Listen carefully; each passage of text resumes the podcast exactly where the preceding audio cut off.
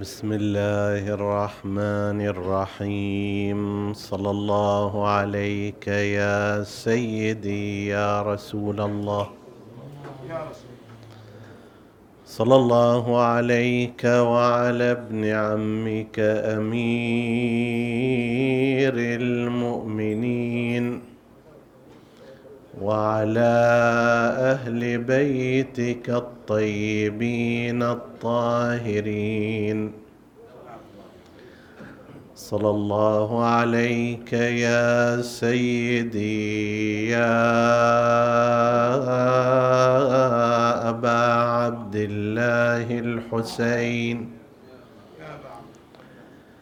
ما خاب من تمسك بكم وأمن من لجأ إليكم. يا ليتنا كنا معكم فنفوز فوزا عظيما. عطروا مجالسكم بذكر محمد وآل محمد.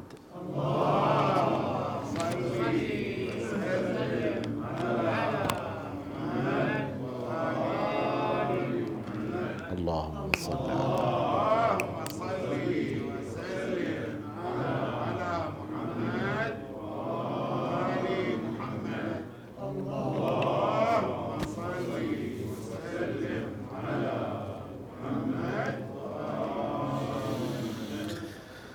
حديثنا بإذن الله تعالى يتناول طريق العودة من الشام إلى كربلاء وفترة البقاء في دمشق والظروف التي أنتجت عودة ركب الأسارى إلى كربلاء.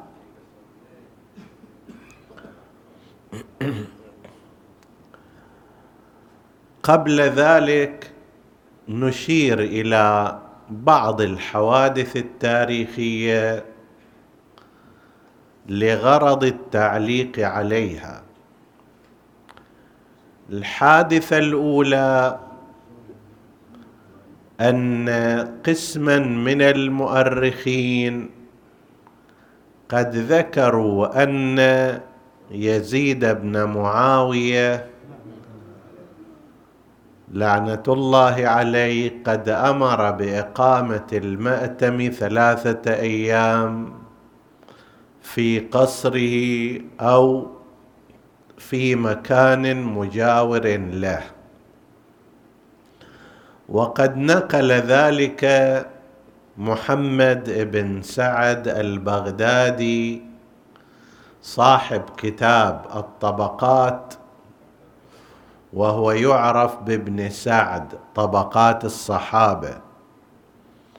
وقلنا في أحاديث سابقة أنه من جملة أشكال تغييب القضية الحسينية عن ذهنية المسلمين أنهم خففوا بشاعتها وشناعتها. فإذا خفت هذه البشاعة والشناعة آنئذ لا يكون وقعها في القلوب كما هي على حقيقتها. ومن جملة ذلك اصطنعوا أخبار كثيرة. هذه تحتاج إلى تتبع تاريخي. ولكن من جملة تلك الأخبار مثل هذا الخبر أن يزيد أمر نساءه ومن في داخل القصر بأن يقيموا مأتم الحسين ثلاثة أيام. نحن لا نستبعد أن يكون النسوة في ذلك القصر قد تعاطفن مع مأساة الإمام الحسين عليه السلام ومع حال السبايا والأسارى. ما نستبعد هذا؟ ليش؟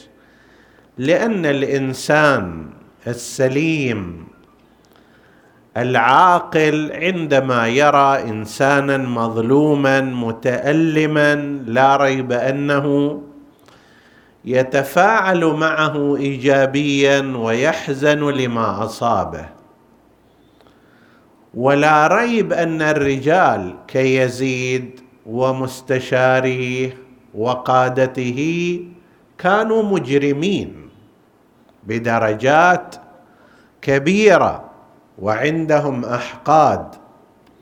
لكن ليس بالضرورة أن تكون أيضا النساء كلهن أيضا لديهن هذا هذه الأحقاد. فلا نستبعد ابدا أن يكون هناك تفاعل وتعاطف. وقد نقل ذلك عن زوجة يزيد هند بنت عبد الله بن عامر بن كريز. وأنها كانت متألمة وربما دخلت أيضا على نساء سبايا أهل البيت عليهم السلام وأظهرت تعاطفها معهم معهن. إحنا هذا ما نستبعده لكن أن يقوم يزيد نفسه بأن يطلب نصب المأتم. هذا معناه أنه قاعد يشعل النار أكثر عليه وهو لا يريد ذلك. وبالعكس يريد أن ينفي التهمة عن نفسه ويوجهها إلى ابن زياد. إن ابن زياد هو اللي فعل هالشكل وأنا ما كنت راضي. لكن في نفس الوقت ما يريد أيضا يهيج الناس على حكمه. يريد يبين أنه هو في الجانب السليم وأن مرتكب الجريمة عبيد الله ابن زياد وأن مرتكب الجريمة عبيد الله بن زياد ويستفيد من هذا المعنى في تثبيت حكمه. يعني متى توجه الانتقادات والسهام إليه. لكن لا يريد أن يوصل القضية إلى أن تتحول إلى مأتم وظاهرة حزن والناس يتفاعلون ويتعاطفون. هذا ما يريده أيضا. لذلك لا نعتقد بما أورده مثل ابن سعد وتبعه غيره من المؤرخين في هذا الجانب. هذا موضوع الموضوع الآخر موضوع السيدة رقية بنت الحسين سلام الله عليهما. الآن يوجد بلا شك مشهد مجلل وعظيم في وسط دمشق للسيدة رقية بنت الحسين عليهما السلام. وهو يتوسع في كل فترة من الفترات. أكو هناك رأيان حول نسبة هذا المشهد إلى السيدة رقية وطريقه شهادة ووفاة هذه السيدة الجليلة. هناك بعض الباحثين لم يتأكد لديهم هذه النسبة أن هناك طفلة للحسين عليه السلام بهذا العمر ثلاث سنوات أربع سنوات وأنها جاءت مع السبايا وأنها وصلت إلى دمشق والقصة المعروفة فيشككون فيها. وهناك قسم آخر ولعله المشهور بين المحدثين والمؤرخين من شيعة أهل البيت عليهم السلام يشيرون إلى صحة الانتساب. أنه بالفعل الإمام الحسين عليه السلام عنده طفله بهذا الاسم وأنها قضت نحبها شهيدة في دمشق بهذه الكيفية عندما كانوا في تلك الخرابة أو ذلك المكان وعلى أثرها صار هذا المشهد. إحنا بالنسبة إلينا نستخلص من هذا الموضوع شيئا مهما ينفعنا في حياتنا المعاصرة. أننا نلاحظ أن الناس حتى إذا يشمون رائحة لأهل بيت محمد.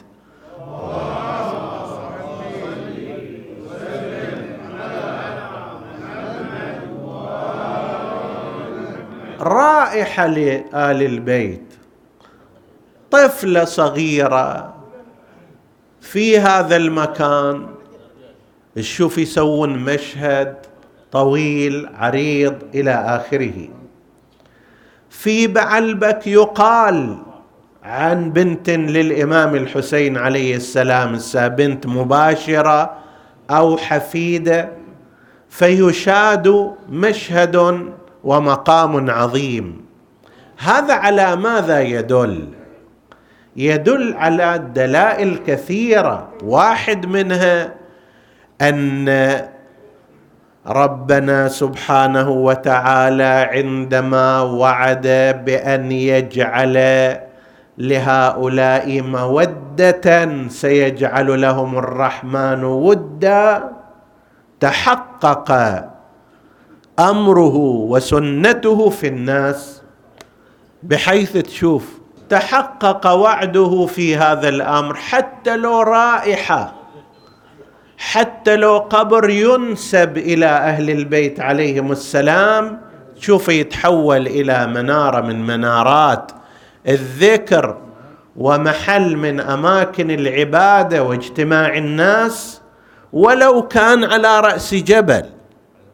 وهذا فيه معنى كبير أيها الأحباب أن الله سبحانه وتعالى جعل لهؤلاء مودة ومحبة في قلوب المؤمنين يعبر عنها المؤمنون بهذه الطريقة.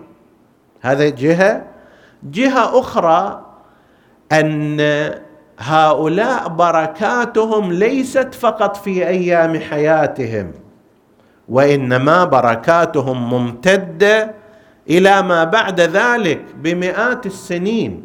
يعني أنت تصور لما هالجموع البشرية على مدى التاريخ يأتون إلى هذه الأماكن يقرؤون القرآن يذكرون الله يصلون إليه تأخذهم ذكريات الموقف إلى قضايا التاريخ والإيمان والجهاد والتضحية. كم من الآلاف تأثروا بمثل هذه الزيارات؟ ومثل هذه المزارات. فبركات هؤلاء مو فقط في أيام حياتهم وإنما هي ممتدة ومستمرة. لذلك لا نرى مبررا واضحا لمن يدئب نفسه في نفي أن يكون هذا المشهد لهذه السيدة أو ذلك المشهد لهذا ال... لابن الإمام الفلاني أو ما شابه ذلك. يعني لا نرى مبررا واضحا لماذا أنت تسعى لإثبات خلاف ذلك. أقصى ما يقال يقال هذا بناء تم تشييده لا هو مكان مثلا. يعني راح تترتب عليه أحكام شرعية. قصر تمام إلى آخره وإنما هو مكان يجتمع فيه الناس وقد رفعوا راية التوحيد وقرأوا القرآن وصلوا فيه وإحنا نحتاج المجتمع المسلم يحتاج إلى تكثير هذه الأماكن. يعني وجود خمس حسينيات أحسن من وجود حسينية واحدة.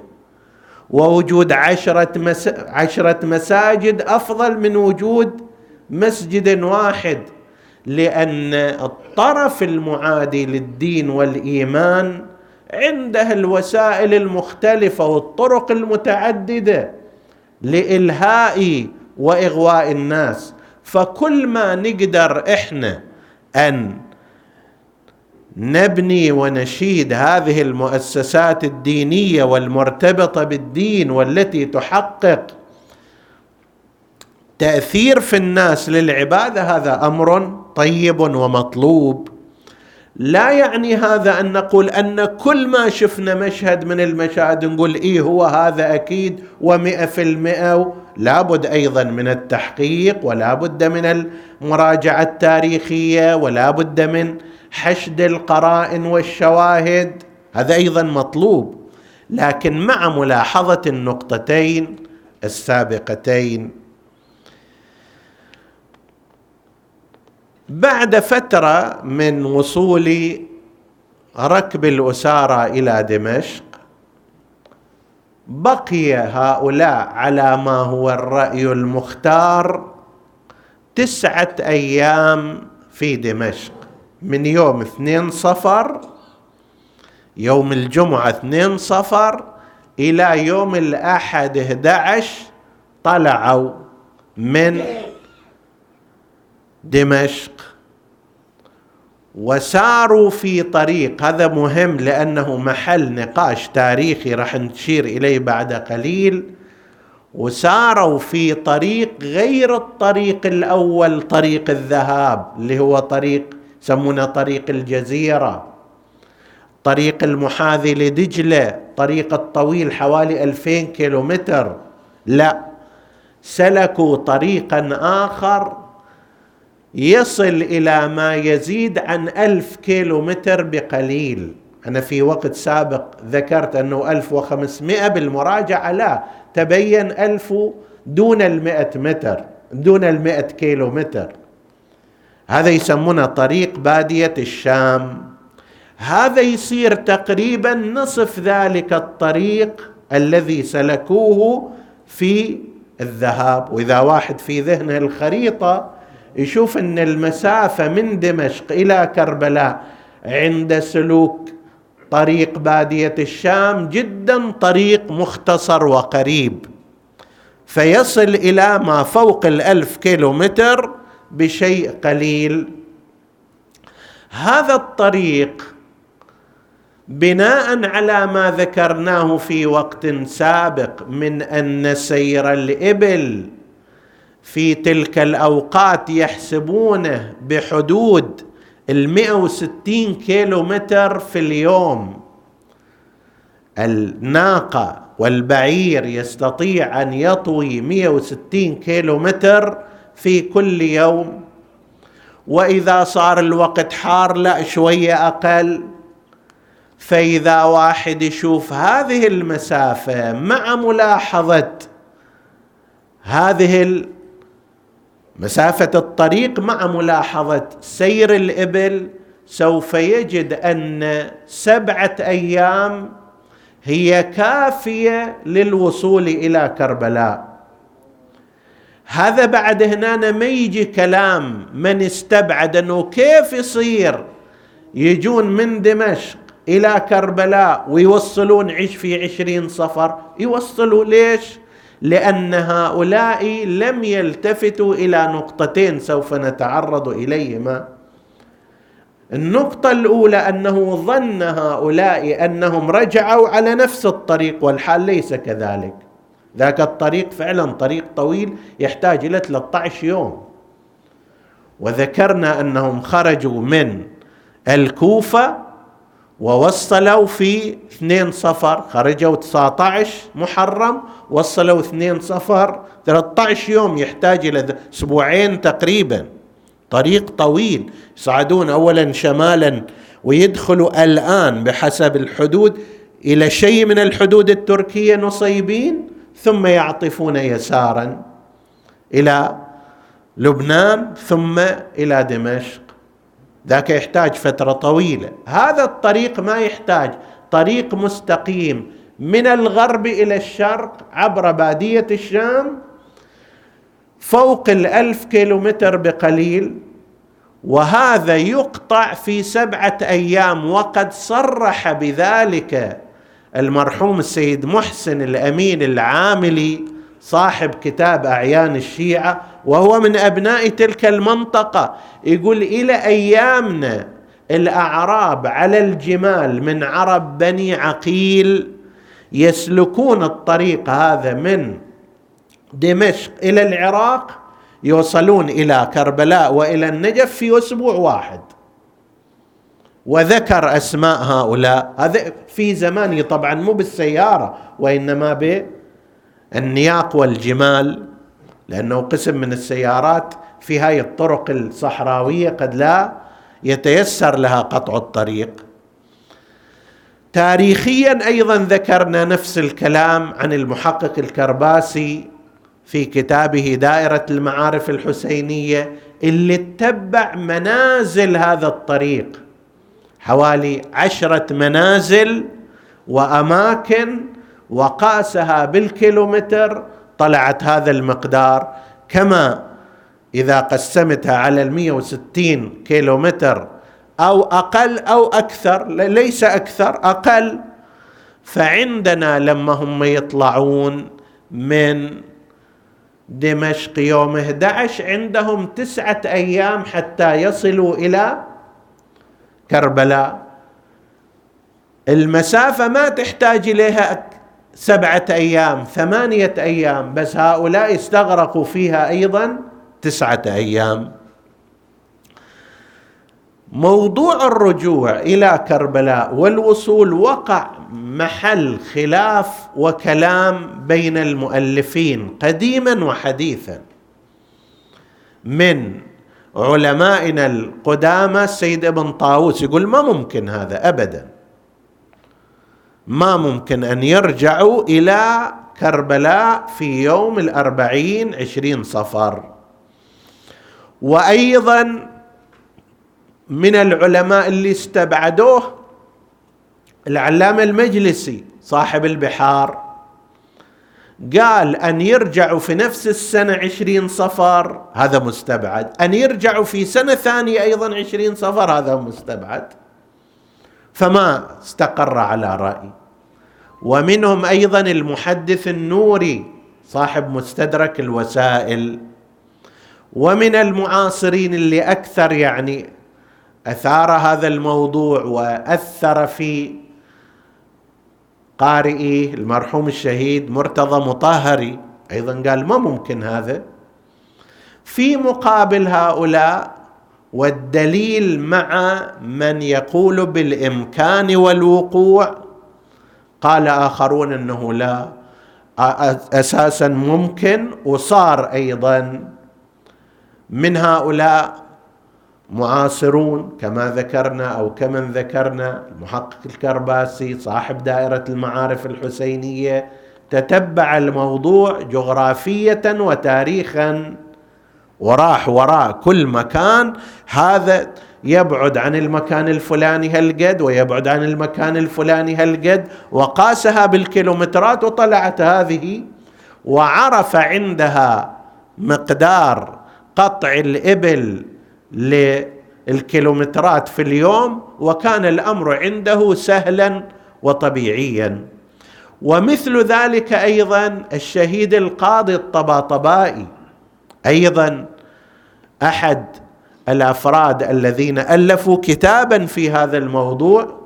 كذلك وأورد شواهد على أن قضية أن أن تطوى هذه المسافة في أسبوع كثير في التاريخ الإسلامي وأورد أماكنها. فهذا مو شيء غريب اذا طيب من وين المشكلة جاءت في ذهن هؤلاء؟ كما ذكرنا اولا هم قالوا وهذا خطأ أشرنا إليه. قالوا لما إجوا في الكوفة بقوا فيها عشرين يوم. ليش؟ قالوا حتى ينتظروا متى يروح الرسالة إلى يزيد. من عبيد الله بن زياد انه شنو أسوي بهذولا وترجع الرسالة. وهذه تحتاج إليها على الأقل عشرين يوم. جواب على هذا اولا أصل انتظار عبيد الله ابن زياد لأوامر من يزيد غير مسلم. ذكرنا في وقت سابق أن عبيد الله بن زياد ما كان يشوف نفسه شخص ينتظر أوامر يزيد بن معاوية هو كان يتصرف في الأمر.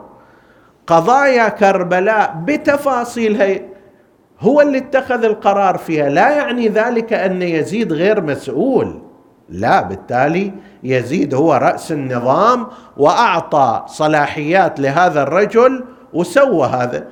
بس يزيد ما اجى قال له تعال رد صدر الحسين عليه السلام. هو سوى هذا.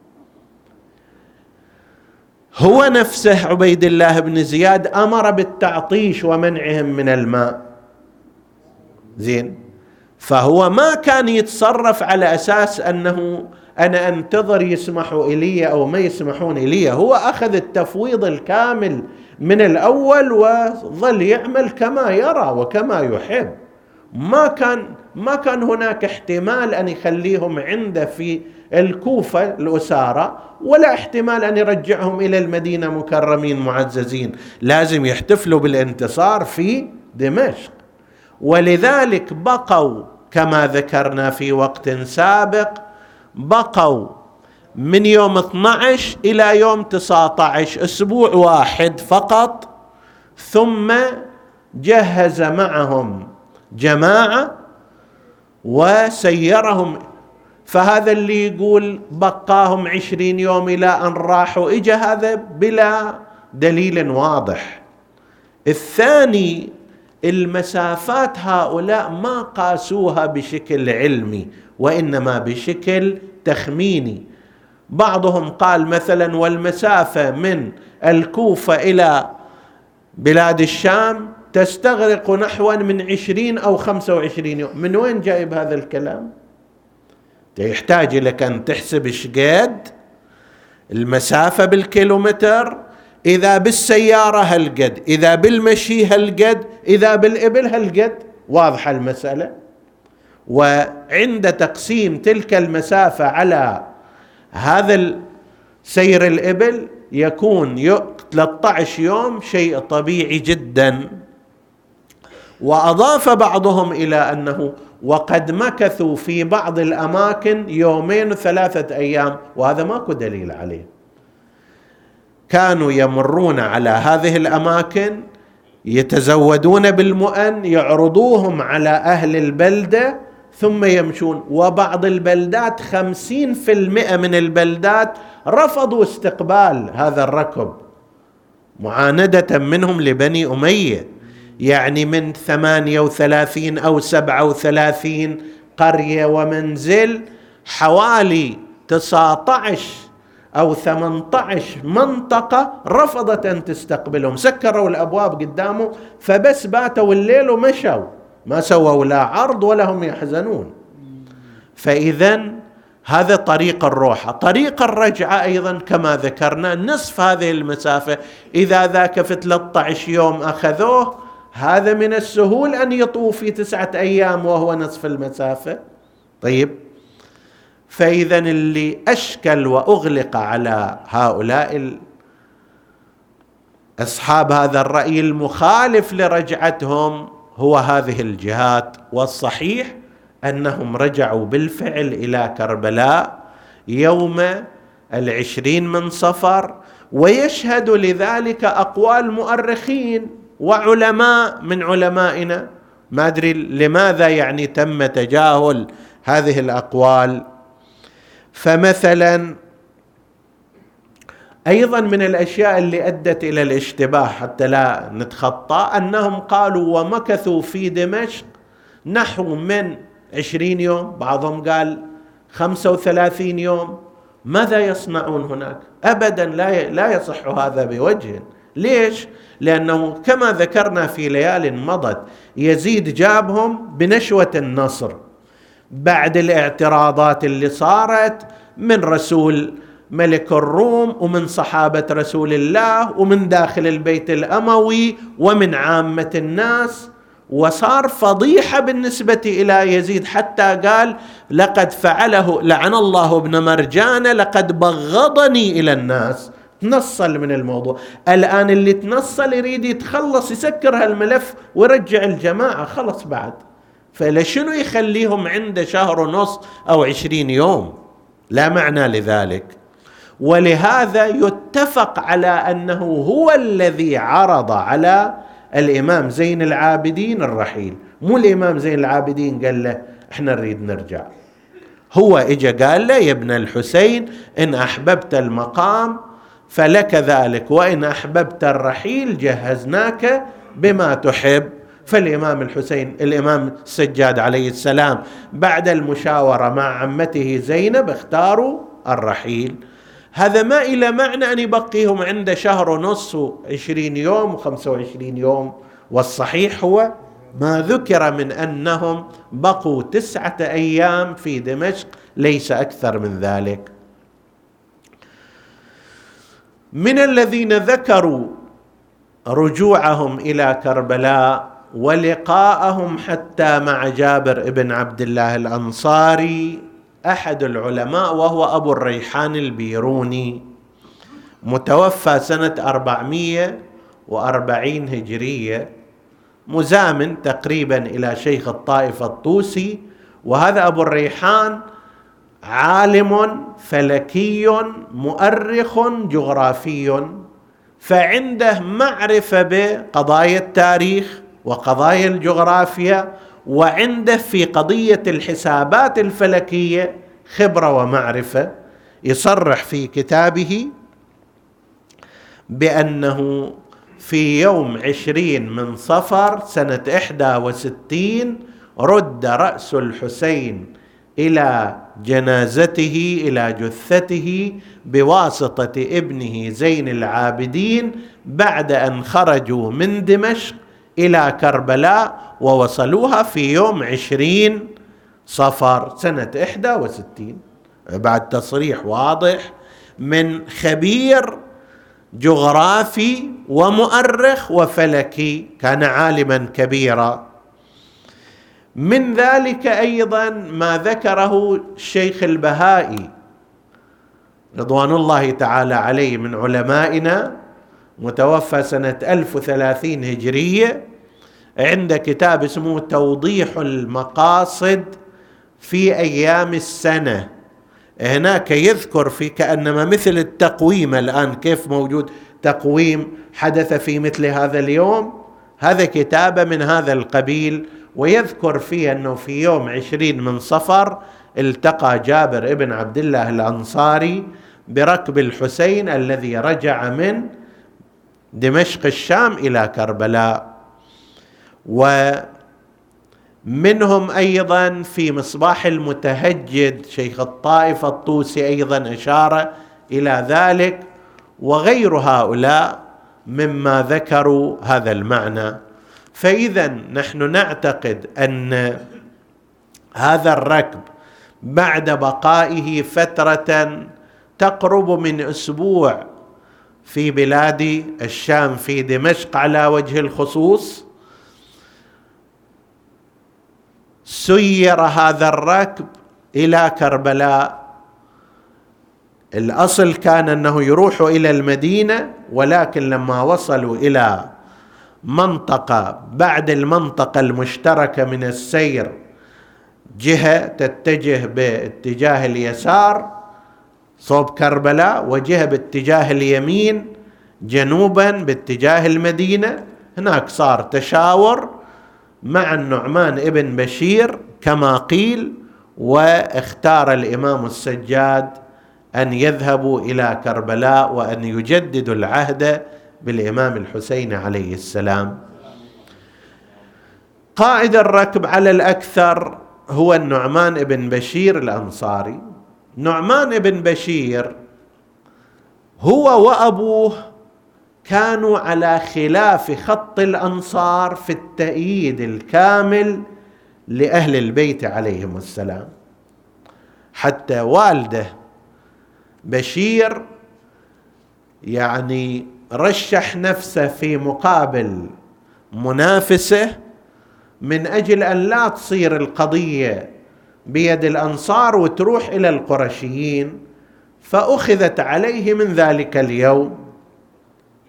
وهو ابنه أيضا النعمان كان مع الأمويين لم يكن مع الإمام علي عليه السلام وكان في ركاب معاوية وراح إياه الحروب صفين وبقي معه في الشام وكافأه معاوية أن ولاه على الكوفة إلى أن جاء مسلم ابن عقيل وهو كان كاف يده عن مسلم يعني بقى مسلم ابن عقيل في الكوفة قريب من شهرين ولم يتعرض له النعمان بسوء.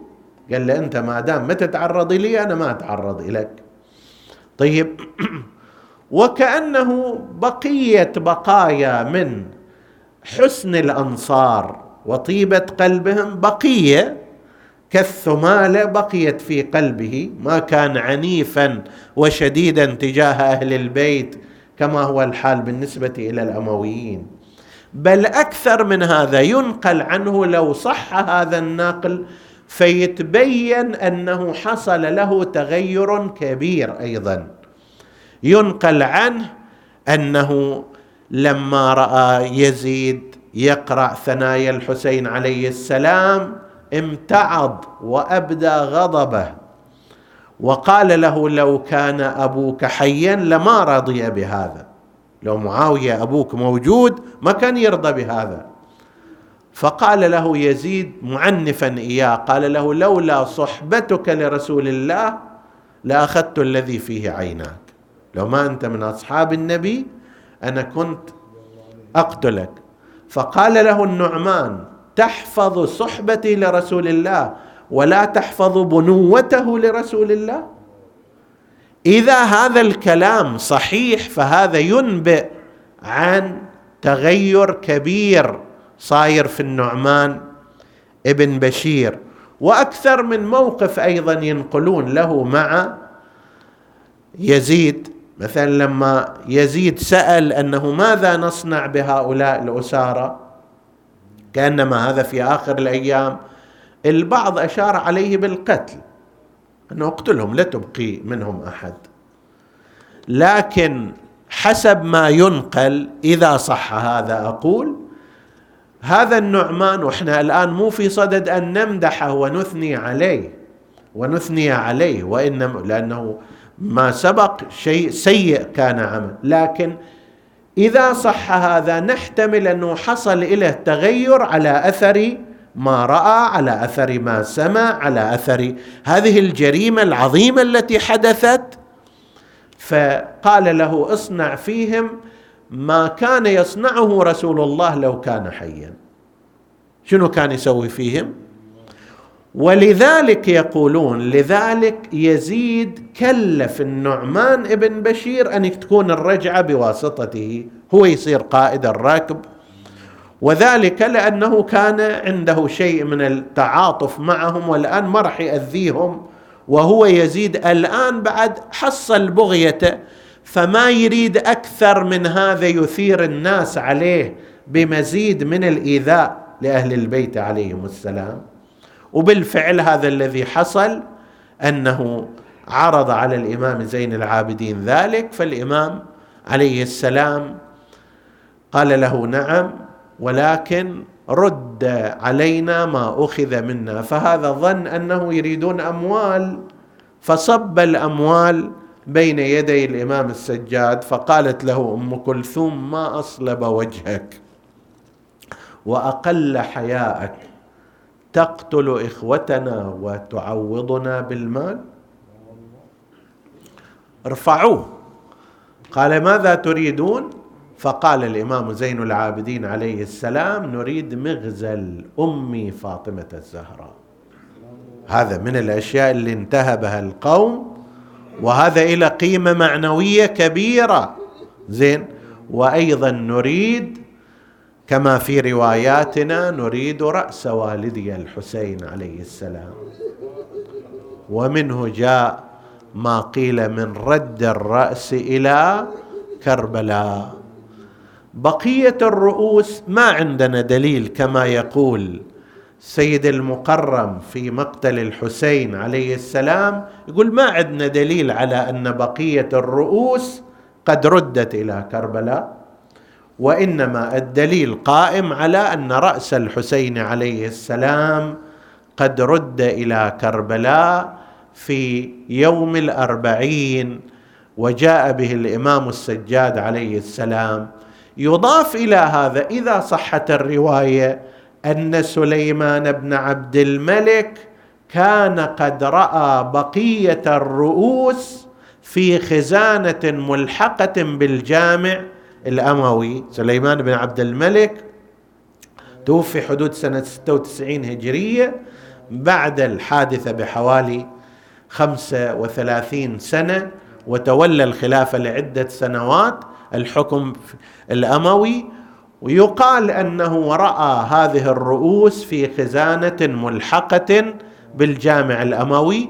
نحن نعتقد أن ذلك كان باستثناء رأس الحسين لأن عندنا روايات كثيرة تشير إلى أن الإمام السجاد عليه السلام رجع بالرأس إلى كربلاء ودفنه مع أبيه الحسين سلام الله عليه.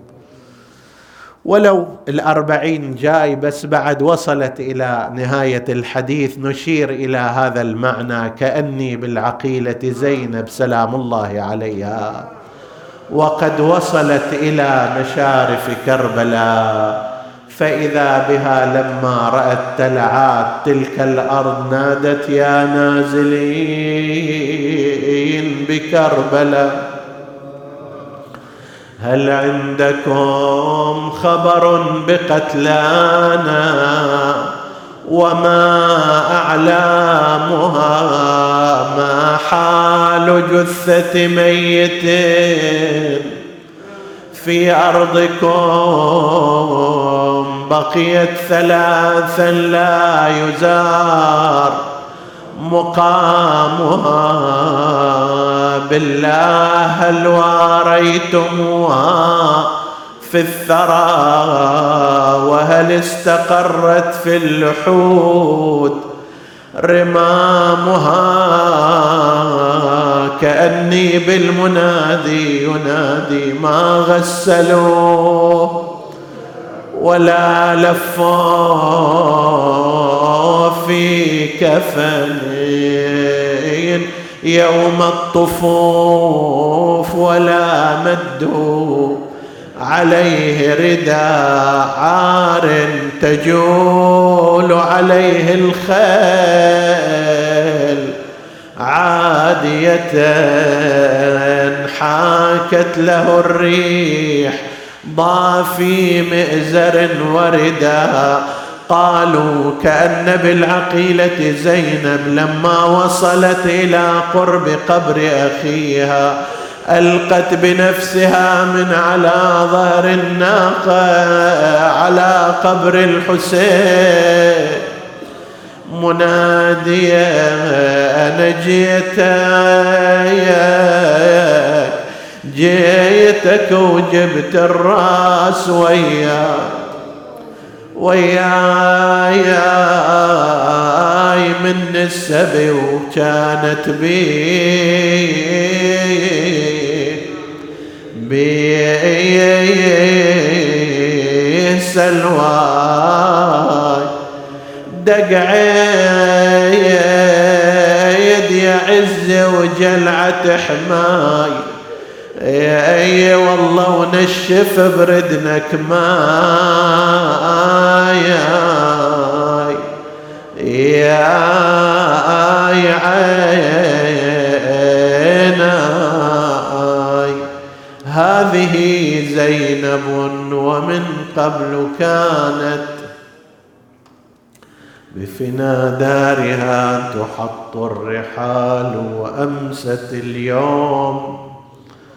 واليتامى عليها نسألك اللهم وندعوك باسمك العظيم الأعظم الأعز الأجل الأكرم يا الله.